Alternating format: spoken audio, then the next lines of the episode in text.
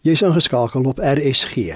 Dis nou tyd vir die aandgedagte, vanaand aangebied deur Lisa Nel, nasionale koördineerder van Transwêreld Radio Women of Hope. Goeiedag luisteraars. Ons gesels vandag oor die T-aansluiting. 'n Padteken wat ons voor 'n keuse stel om links te draai of regs te gaan. Die padgebruiker kan slegs een van die twee rigtings kies omdat die pad hier doodloop. Die eerste rigting is die pad van sonde en ongeregtigheid. Ongelukkig het hierdie keuse tragiese nagevolge. Ons lees in Jesegiel 18 vers 20: Die siel wat sondig, die moet sterwe. Die seun sal nie die ongeregtigheid van die vader dra nie, en die vader sal ook nie die ongeregtigheid van die seun dra nie.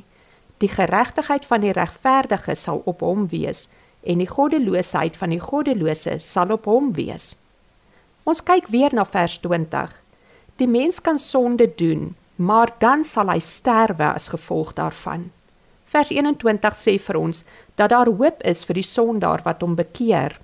Kom ons lees vers 21. Maar as die goddelose hom bekeer van al sy sondes wat hy gedoen het en al die riglyne gehoorsaam onderhou en reg en geregtigheid doen, sal hy sekerlik lewe, hy sal nie sterwe nie. Al sy oortredinge wat hy begaan het, sal hom nie toegereken word nie deur sy geregtigheid wat hy gedoen het, sal hy lewe. Die ander rigting van die T-aansluiting wys ons op die pad van geregtigheid. Wanneer die mens uit die keuse kies om God gehoorsaam te wees en dit doen, sal hy beloon word.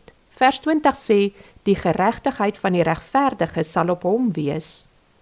God het geen behaag daarin dat enige mens as gevolg van sy sonde sal sterwe nie, maar sonde maak dood. Jesegiel 18 vers 23 sê: "Het ek dan miskien 'n behaag in die dood van die goddelose? Het ek nie liewer behaag daarin dat jy jou bekeer van al jou verkeerde weë en lewe nie?"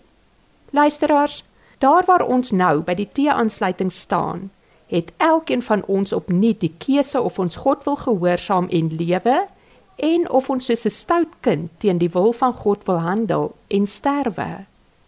Dink weer mooi voor jy die lewe aanpak in hierdie nuwe jaar. Dit was die aandgedagte hier op RSG, aangebied deur Lisa Nel, nasionale koördineerder van Transwêreld Radio, Women of Hope.